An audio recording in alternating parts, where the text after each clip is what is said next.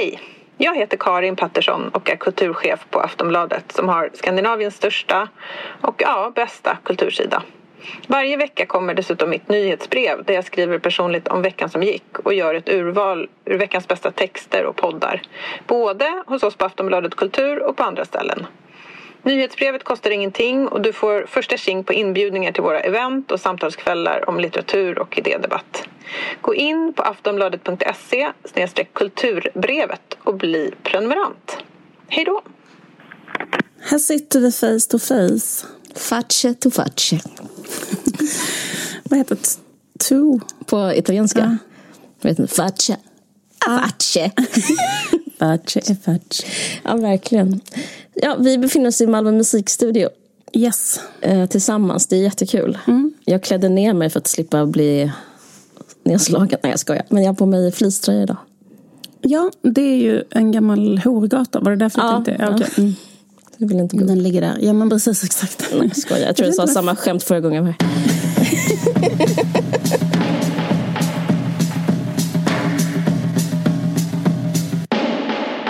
jag tror det finns en regel som Magdalena Ribbing har sagt, eller någonting. Men jag känner den regeln kommer instinktivt hos mig. Och det är att man ska inte äta ostron nu på sommaren. Mm. Det känns bara fel. Mm. Så pratade jag med en fiskare mm. i Skillinge. Mm. Och han sa att eh, ostronen är sämst nu. De är mjölkiga och tuggiga och, och feta. Det, det lät väl mm. äckligt? Det låter jätte, jätteäckligt. Ja, så um, det är mer, då vill jag bara säga, ät inte ostron. Okej, okay, okej, okay, okej. Okay. Vad ska man äta istället? Chips eh, föreslår jag. Gud, vilket bra, vilken bra sak att föreslå. Ja, för chips eh, känns fräscht och eh, salt. Ja. Och eh, tillsammans med öl så är det liksom ljuvlig sommarmat på något sätt. Efter ett bad, Efter när man har varit på stranden, när man ja. svettas. Ja. Eh, så eh, behöver man äta lite chips. Ja. Alltså det, är så jävla, det är många länder där man alltid äter lite chips ja. och det är liksom så himla stigmatiserat i Sverige. Men, men man, man äter på fel sätt. Och det är, nej, ja. precis, man äter på fel mm. sätt i Sverige men jag bara menar mm. i många länder just så har man det på det sättet, typ så i varma länder, kanske i Spanien eller något sånt där. Att man eh, just så här, kanske äter lite chips, en liten påse chips bara på stranden. Helt för att man återställer typ sin salthalt. Ja. Um. Det är det goda livet. Alltså, inte, jag menar inte... Och, och jag vill eh, verkligen säga att man ska, jag tycker att man inte ska äta såna vita mejeribaserade dippar. Jag menar chip utan dipp. Dipp, nej. Det är vintermat. Mm. Chip, ja. Okej. Okay. Intressant. Eh, och just det, nu kommer jag slå hål på en myt och kommer baxna. Man ska äta varm mat på sommaren, inte kall mat. Du, det här har varit min regel sedan jag var liten. Min mamma har alltid lagat jättevarm soppa på ja, sommaren. Ja. Alltså en kokhet linssoppa har varit vår standardmat. Men, men, precis, men då kan du gå tillbaka till det minnet. Att det, var så här, det har varit en lång dag, man har liksom eh, hållit på hej och hå, det ena och med det tredje. Eh, man har ätit chips mm. lite då och då. Sen på kvällen så stillar allting sig och man kanske sitter utomhus och så äter man eh, eh till exempel en pasta alla norma med så här aubergine de godaste inrörda tomaterna, eh, färsk basilika, salt ricottaost och liksom varm, varm pasta.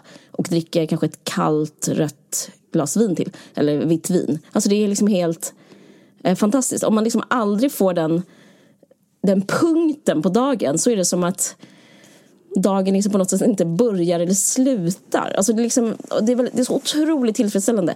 Och så vill jag säga om till exempel råbiff och sånt där sjukt. Det är inte fräscht. Det är som ostron. Råbiff ska du äta på nyårsafton eller i januari innan du går på Dramaten, på supé.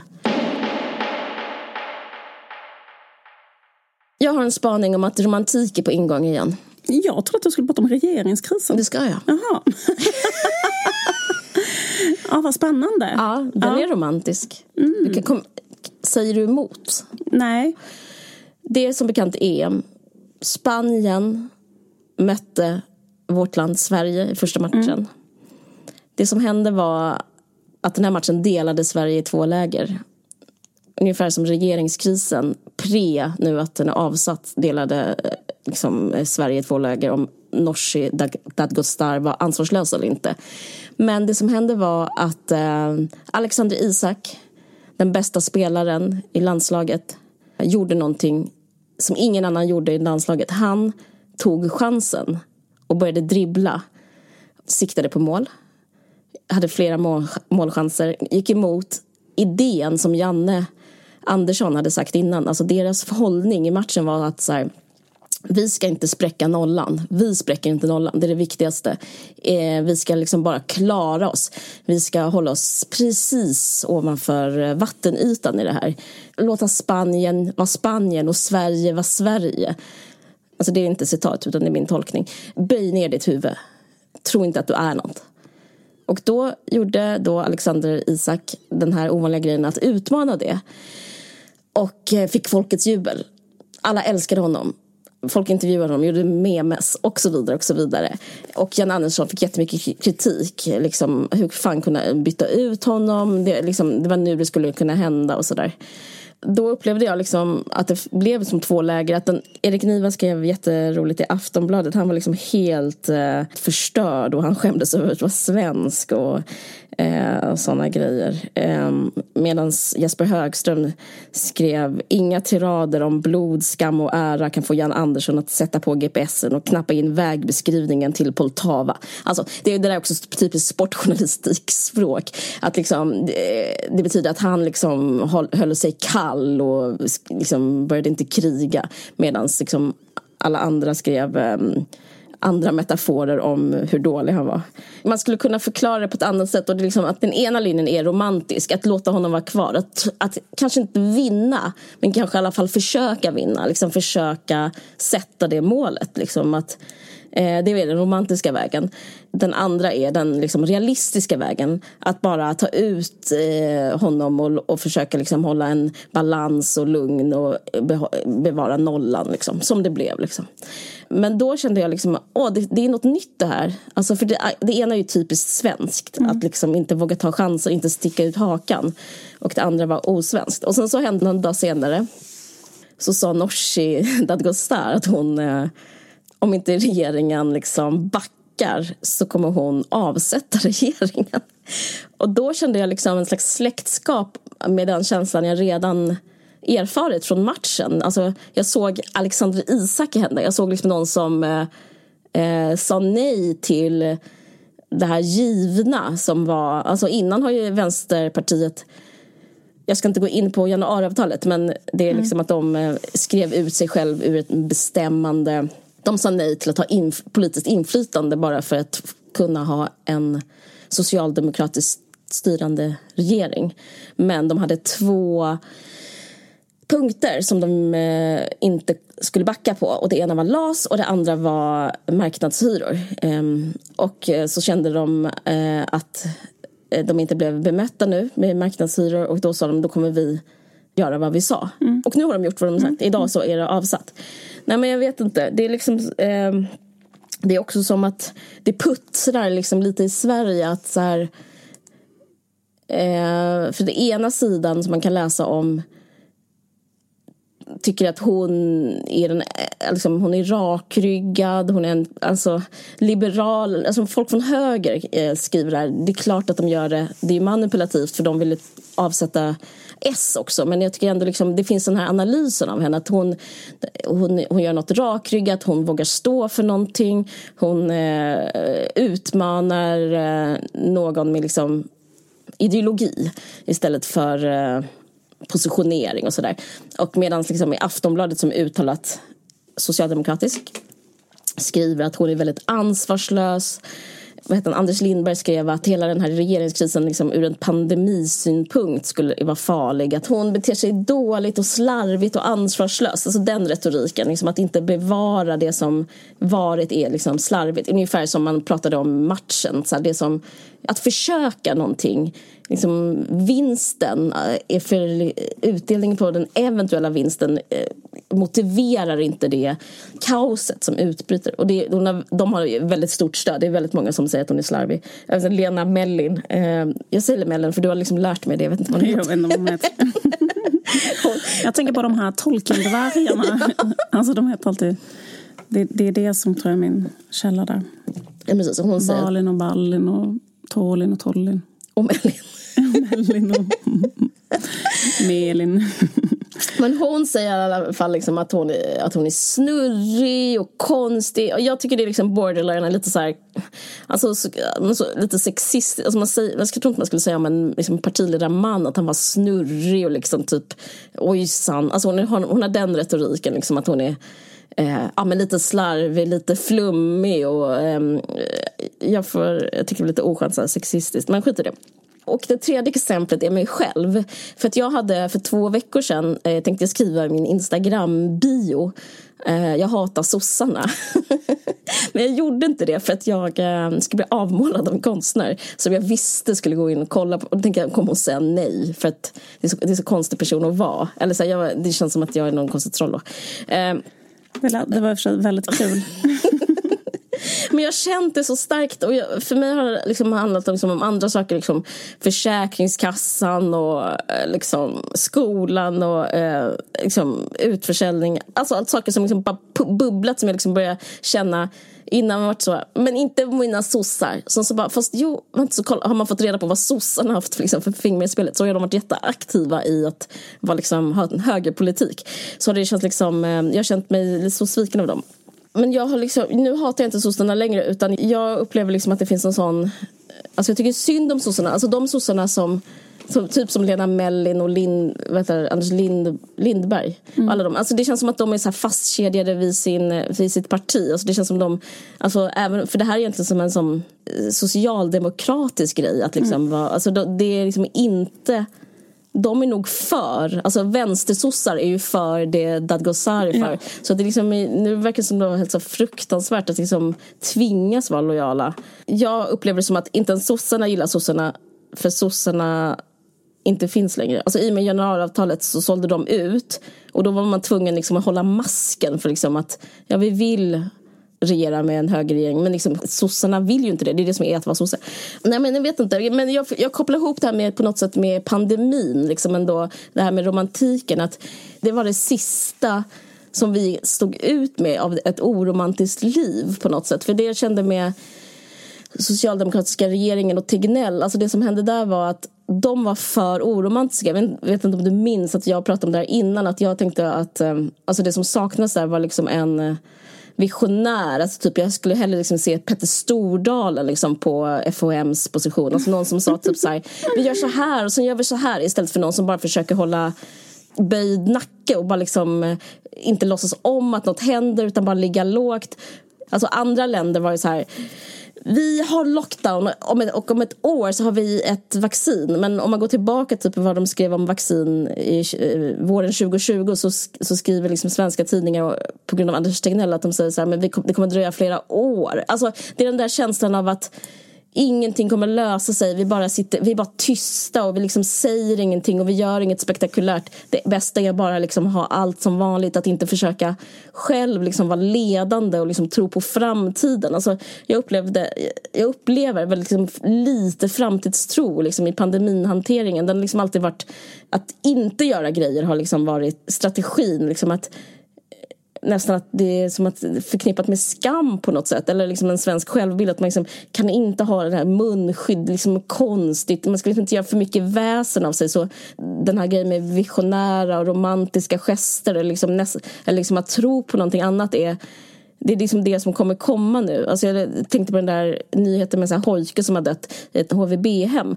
Och då så var det på Aktuellt, de pratade om det här att eh, Sverige är det landet i världen som tar hand om eh, barn på det här viset. Alltså det är liksom att SOS omhändertar barn.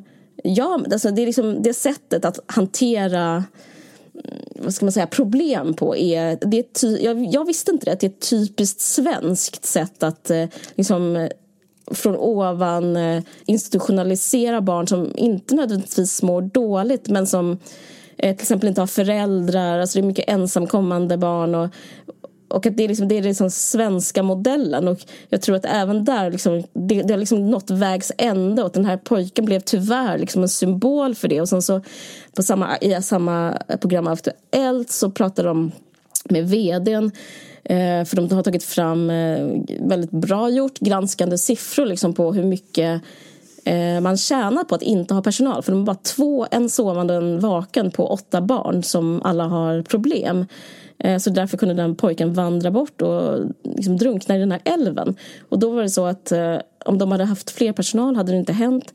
Men eh, samtidigt då hade de inte kunnat göra den miljonvinst. Alltså flera, flera miljoner vinst har de gjort på att inte ha resurser. Och det är också liksom någonting som är så här jag vet inte vems fel det är när liksom det gick och, när, vem som gjorde det möjligt att liksom exakt tjäna pengar på sina HVB-hem. Liksom, men idén att utförsäljning samtidigt på liksom institutionaliserings eh, socialdemokratiska tanken. När de två gifter sig så är det liksom här man hamnar. Och, och det, det är att jag har liksom alltid varit för socialdemokratin men allt det här som jag beskriver är liksom en slags gestaltning av socialdemokratin som inte funkar. Därför blir det väldigt så symboliskt när Nooshi sa nej. Alltså när hon inte bara gick med på for the greater good som är den socialdemokratiska grejen. Jag tror att det betyder någonting. Alltså det, det liksom är som att man... Alltså jag tror det kan vara så startskottet på en eh, romantik, alltså i, förhållande, alltså i bemärkelsen att tro på något igen. Jag känner ett engagemang som jag liksom, nästan, jag tror jag aldrig gjort i hela mitt liv. Men jag vill typ hjälpa till. Eller så här, jag vill hjälpa barn på såna hem. Eller jag vill liksom att människor som är ensamstående kvinnor ska inte betala för hög hyra. Alltså jag vill liksom att uh, Alexander Isak inte ska bytas ut. Det är liksom någon slags ny era på något sätt. Jag har kollat på uh, ett Eh, program eh, på SVT Edit som heter Pornfluencers som handlar om fenomenet Onlyfans. Eh, och det är ju ett fenomen som är att ehm, det är som typ Patreon fast med porr. Mm. Så jag tror att det kanske är via Instagram.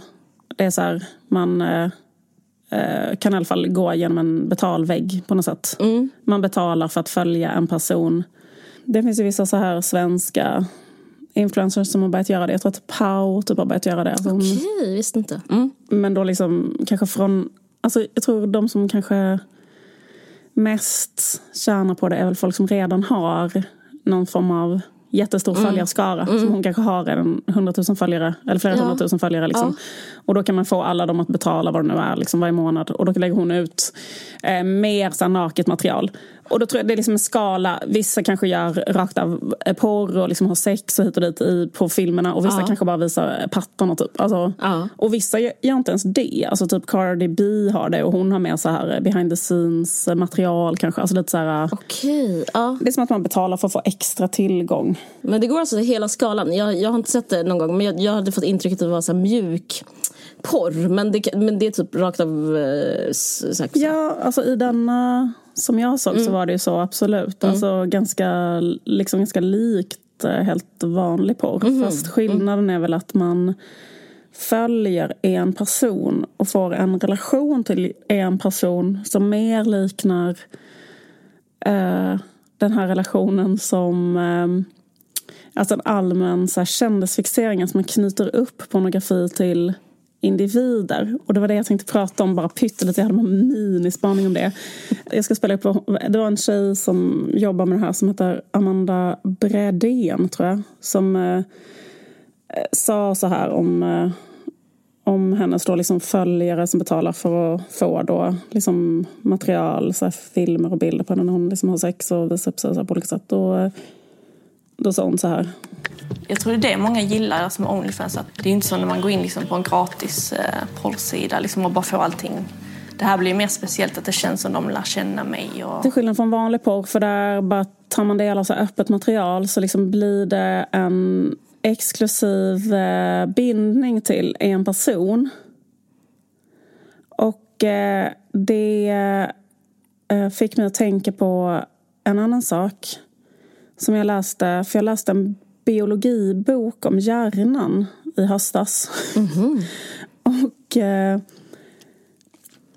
eh, jag ska berätta vad jag lärde mig. Det var jätteintressant. Alltså, mm. morot för er som inte, inte gick igång på den biologin hjärnan. Alltså, ni ska få lära er något riktigt intressant om killar. Alltså, guld. om killar snart. Okej. Okay. I alla fall, jag kommer komma tillbaka till vad hon, Amanda Bradén sa. Mm. För det hon menar på är i alla fall att, att man får en... Hon, hon kan också liksom prata med de här personerna. Alltså de kan skriva mm. till henne och ställa mm. frågor. Det blir liksom som ett litet community där, där de eh, just bara följer henne. Från att kanske då ha konsumerat allmän gratisporr kan jag tänka mig då mm. att man väljer istället en tjej. Alltså det är helt enkelt, min poäng som jag kommer komma mm. till är att det är ett, en riktning mot monogami pornografin. Intressant. ja.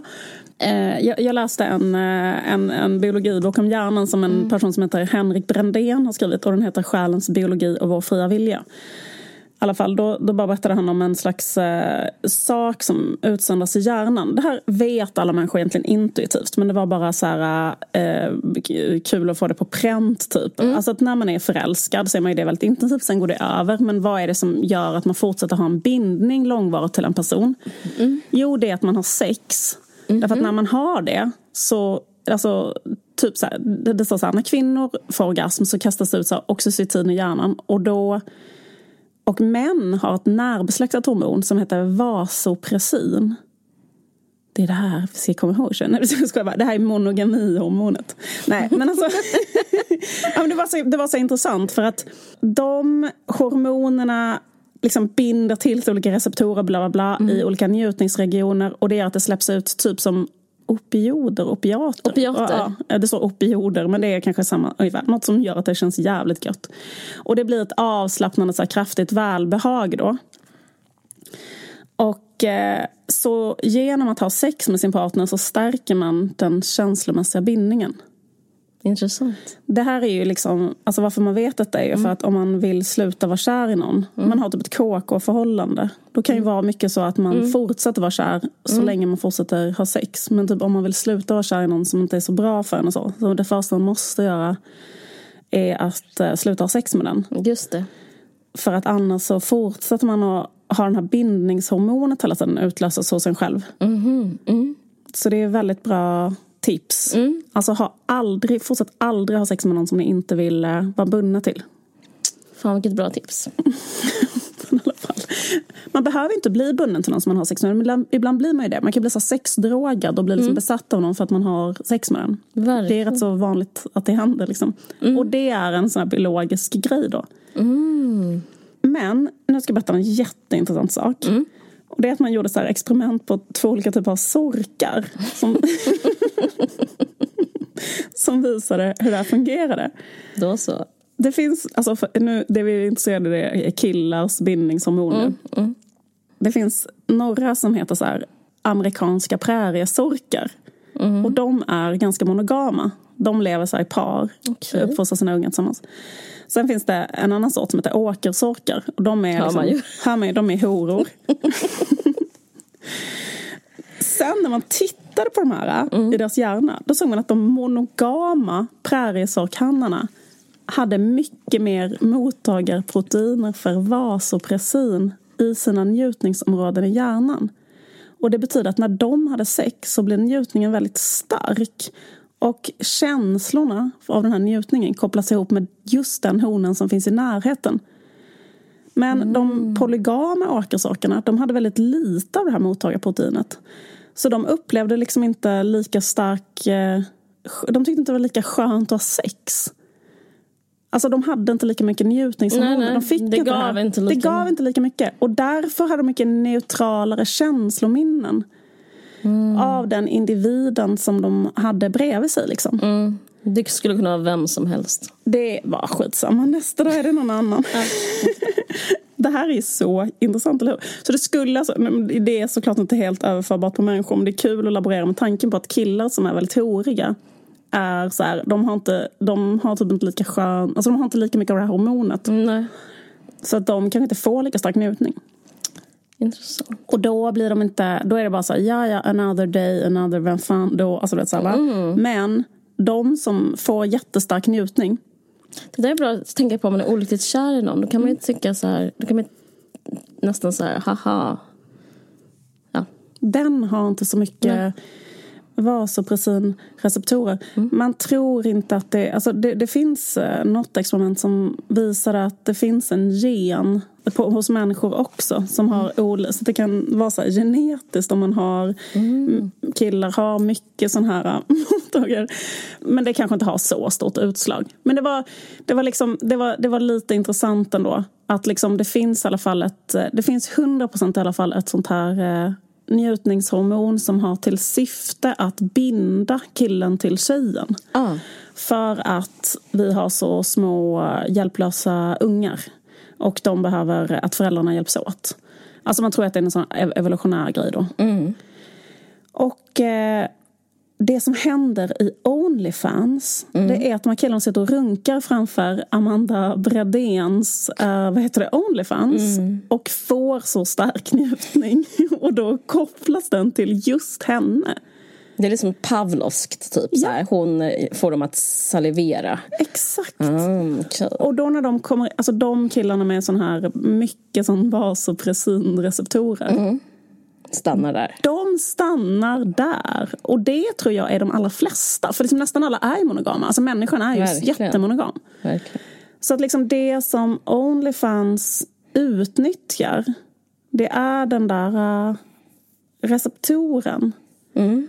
Och det är liksom ett, egentligen liksom ett tecken på att Alltså, när man pratar om så killar som konsumerar porr och sånt så brukar man alltid prata om att så här, det beror på att eh, killar behöver föröka sig med alla och ha hela tiden omväxling och mm, att det mm. finns en sån eh, evolutionär mm. grej i manlig sexualitet mm. som är att man vill liksom så sin eh, vildhavre. Så sin havre och liksom ja. alltid så här, och att man därför så här, konsumerar jättemycket mer pornografi än vad kvinnor gör och sådär. Mm. Men Onlyfans är egentligen ett exempel på att um, det finns en biologisk inklination till monogami som den här konstiga personen då till exempel um, kan profitera på. Ja, eller så är det också en del av den romantiska spaningen. Det är ju romantiskt, det är romantiskt mm. att ha, ha en som man håller på och obsessar med. Ja. Alltså det är inte trevligt kanske. Men jag menar det är liksom, alltså det är inte, det är, det är inte samtycke men det är ju en person tycker väldigt mycket om en person. Alltså det är ju ett, eh, ett så här eh, degenererat sätt att använda det här hormonet. ja, verkligen. Alltså det är liksom som ett kapitalistiskt degenererat sätt att använda sig av vasopressinreceptorerna. verkligen. Ja, om man märker att man träffar en kille som har en sån låg vasopressin som är mer som en sån åkersork då kan man tänka att det inte beror på en själv utan kanske bara beror på en sån genetisk disposition och då måste man bara försöka hitta en annan. Åh gud, tack så hemskt mycket. Tack för, så mycket. Så skönt för att innan har man bara haft sån han är nog Asperger. Alltså, alltså, man har haft såna fattiga eh, liksom, neuropsykologiska eh, förklaringar och det har varit, kännas lite, det, den skivan har vi hört. Exakt och nu, nu, nu behöver vi en ny vi som är den här eh, feministiska biologismen. att det finns två slags killar, åkersorkar eller amerikanska präriesorkar. Hur deras hjärnor fungerar. Och det gäller bara att hitta rätt. Man, man, man ska inte ha den fucking oturen att liksom försöka Nej själv wastea sina såna bindningshormoner på en sån polygam, horig sork. För då är man liksom illa inte. Mm. Det är benen på ryggen. Ja.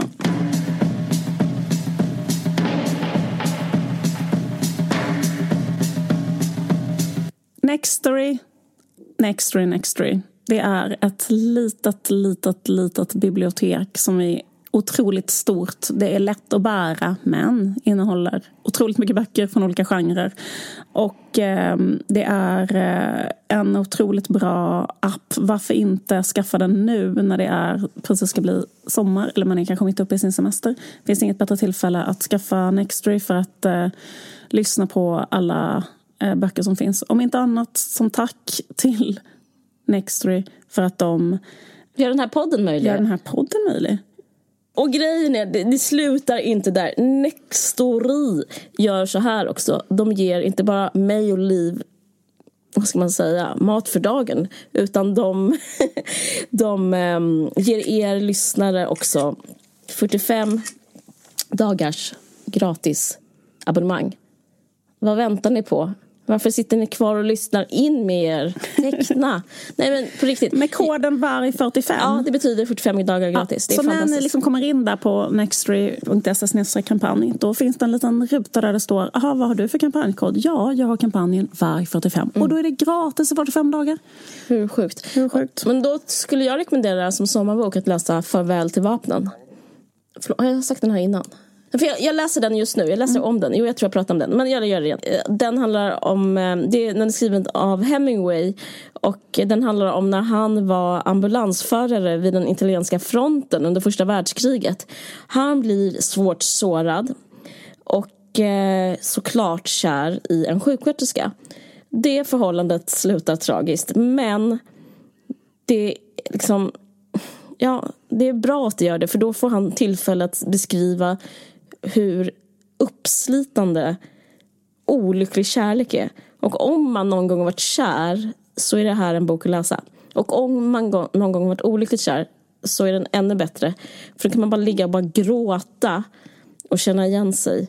Plus att det är världens bästa språk. Isbergstekniken, aldrig några adjektiv. Det är bara att läsa. Jag älskar mm. den så mycket. Tack så hemskt mycket för detta Nextory. Tack. Vi har också ett samarbete med en podd som vi vill tipsa om mm. som är gjord av Cancerfonden. Mm.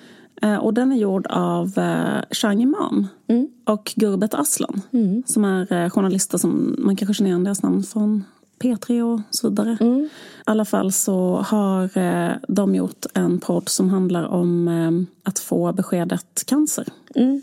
Eh, den är i fyra delar och man kan, det som är speciellt med den här poddserien, den här dokumentärserien, det är att eh, jag vet inte om ni kommer ihåg, men i eh, julas så fanns det en reklamfilm eh, som, handlade, som var fiktiv som, som handlade om en pappa som fick cancer och en pojke som var tvungen att mm, hantera det helt enkelt. Och den här filmen Alltså reklamfilmer brukar liksom inte få så stor uppståndelse men den, den fick väldigt så här, stor, stort mottagande och liksom det skrevs mycket om den och så för att eh, det var första gången i reklamsammanhang, nu kanske generaliserar jag, men som inte en invandrare eller en rasifierad person spelade en gangster eller en kioskägare, vilket som är så väldigt vanligt.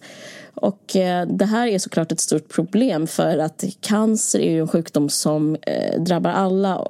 Men som sagt var det här en fiktiv historia och väldigt fin. Eh, jag, jag minns att jag faktiskt berördes av den. Jag, jag brukar rakt av hata reklam men det här liksom, jag brydde mig om den här. Och därför blev jag väldigt glad när jag fick reda på att eh, de ska göra en dokumentärserie nu som är, liksom, vad ska man säga, den här reklamfilmens riktiga berättelse. Alltså, eh, det där var ju påhittat men i eh, vårt riktiga liv så finns det tusentals sådana här berättelser såklart. Och nu så får du och jag och eh, våra lyssnare och alla som får reda på det här förmånen att få lyssna på en sån här berättelse. Och istället för en pojke och en pappa så handlar det om en mamma och en flicka. Det handlar om eh, Jad som var 12 år när hennes mamma fick cancer.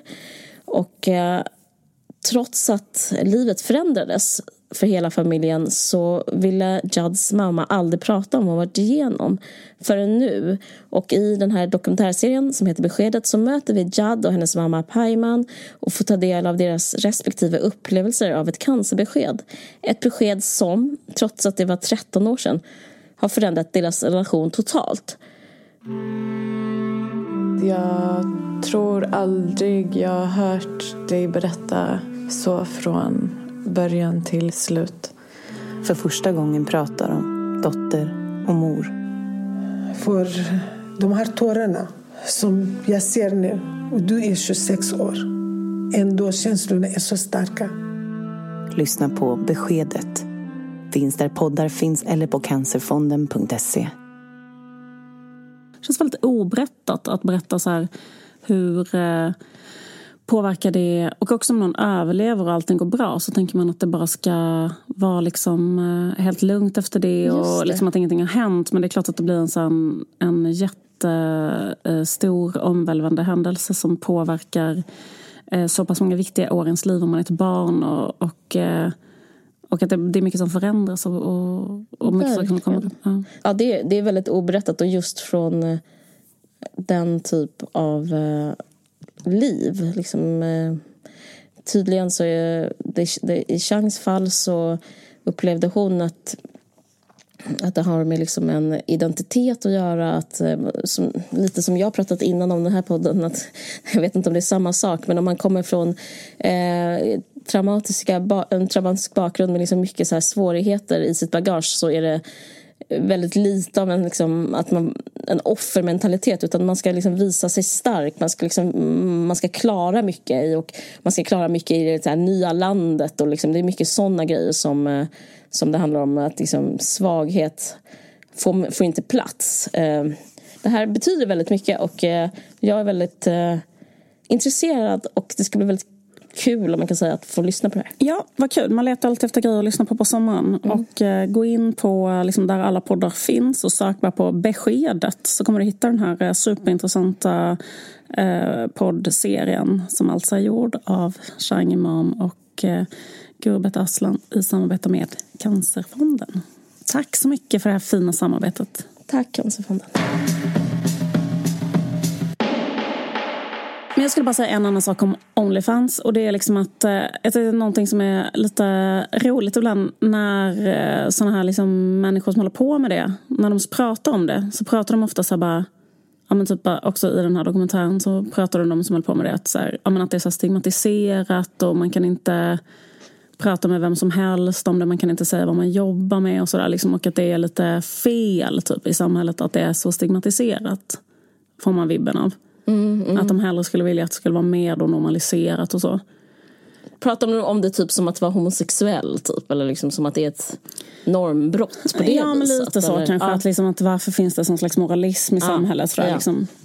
Men det som är så himla uppenbart är ju liksom att det är att det finns ett tabu kring sex som gör att de kan överleva liksom. Alltså som influencers. Alltså för att det är bara, alltså om du är en influencer mm. eh, som kanske inte är så jättekänd, eller liksom inte, då kan du tjäna pengar på det här sättet. Vissa kan göra det. Mm. Eh, som har olika förutsättningar för det. Mm. Men alltså varför går folk in och betalar? Om det är för att det är liksom, vad heter det, inte överallt. Nej. Att om det fanns överallt så skulle de bli utkonkurrerade direkt. Mm. För jag tänker på så här, ifall det går i den riktningen mer och mer i samhället. För det pratade de också om, liksom att, och det stämmer ju verkligen, att till exempel om man tittar i så tidningen Slits mm. på, i början av 90-talet. Då ser ju det ut liksom nästan, vad heter det, mildare än vad en vanlig kändis, typ, en viss typ av kändis Instagramkonto ser ut nu. Mm. Mm. Alltså mycket, mycket mildare än liksom kanske Kendall Jenners Instagram. Ja, men, mm, förstår jag menar? Att det är typ så här... Äh, nej, att det går mer och mer så här att folk liksom äh, använder liksom sig... Eller att det liksom blir mer och mer socialt accepterat att mm. på något sätt så framställa pornografiskt material på sig själv helt enkelt. Just det. Och då... Om man tänker sig att det skulle gå i den riktningen, att det skulle helt... Äh, tabubefrias att visa upp sexuellt material på sig själv då skulle de här människorna som gör det nu kanske konkurreras ut. För att om du tänker dig typ att det skulle vara, tänk dig till exempel nu har Pernilla Wahlgren träffat en ny kille. Det har varit mycket om det i media. Tänk om det var så här, och då kan betala 50 kronor för att kolla hur det ser ut när vi knullar till exempel.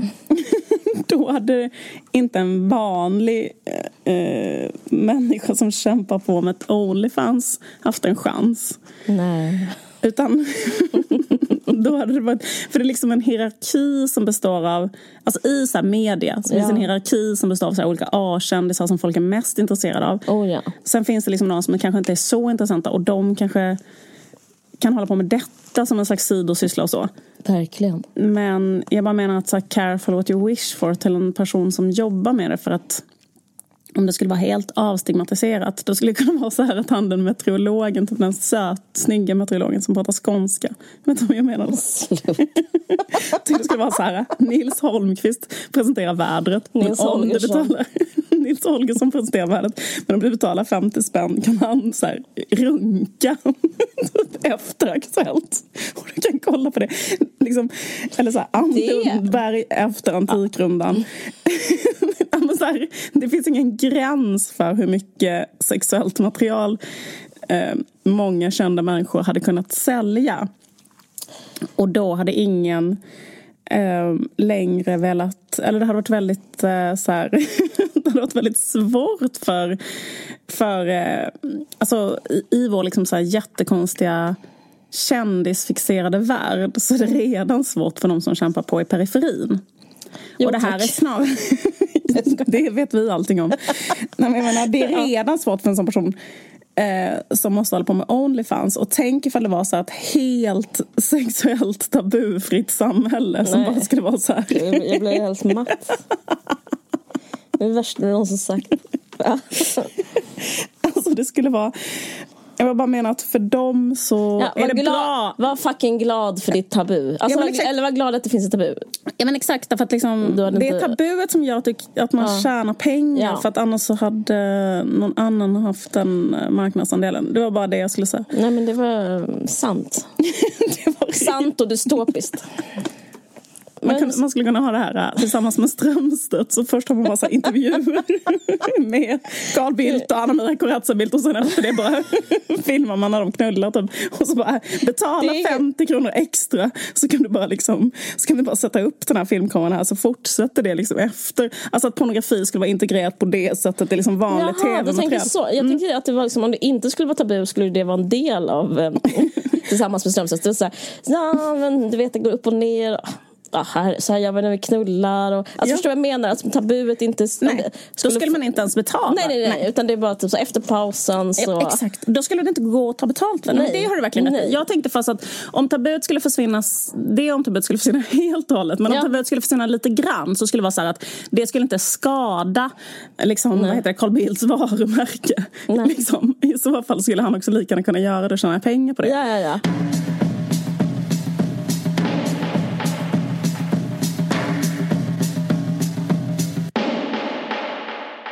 Vi ses på Bergman-veckan. Det gör vi.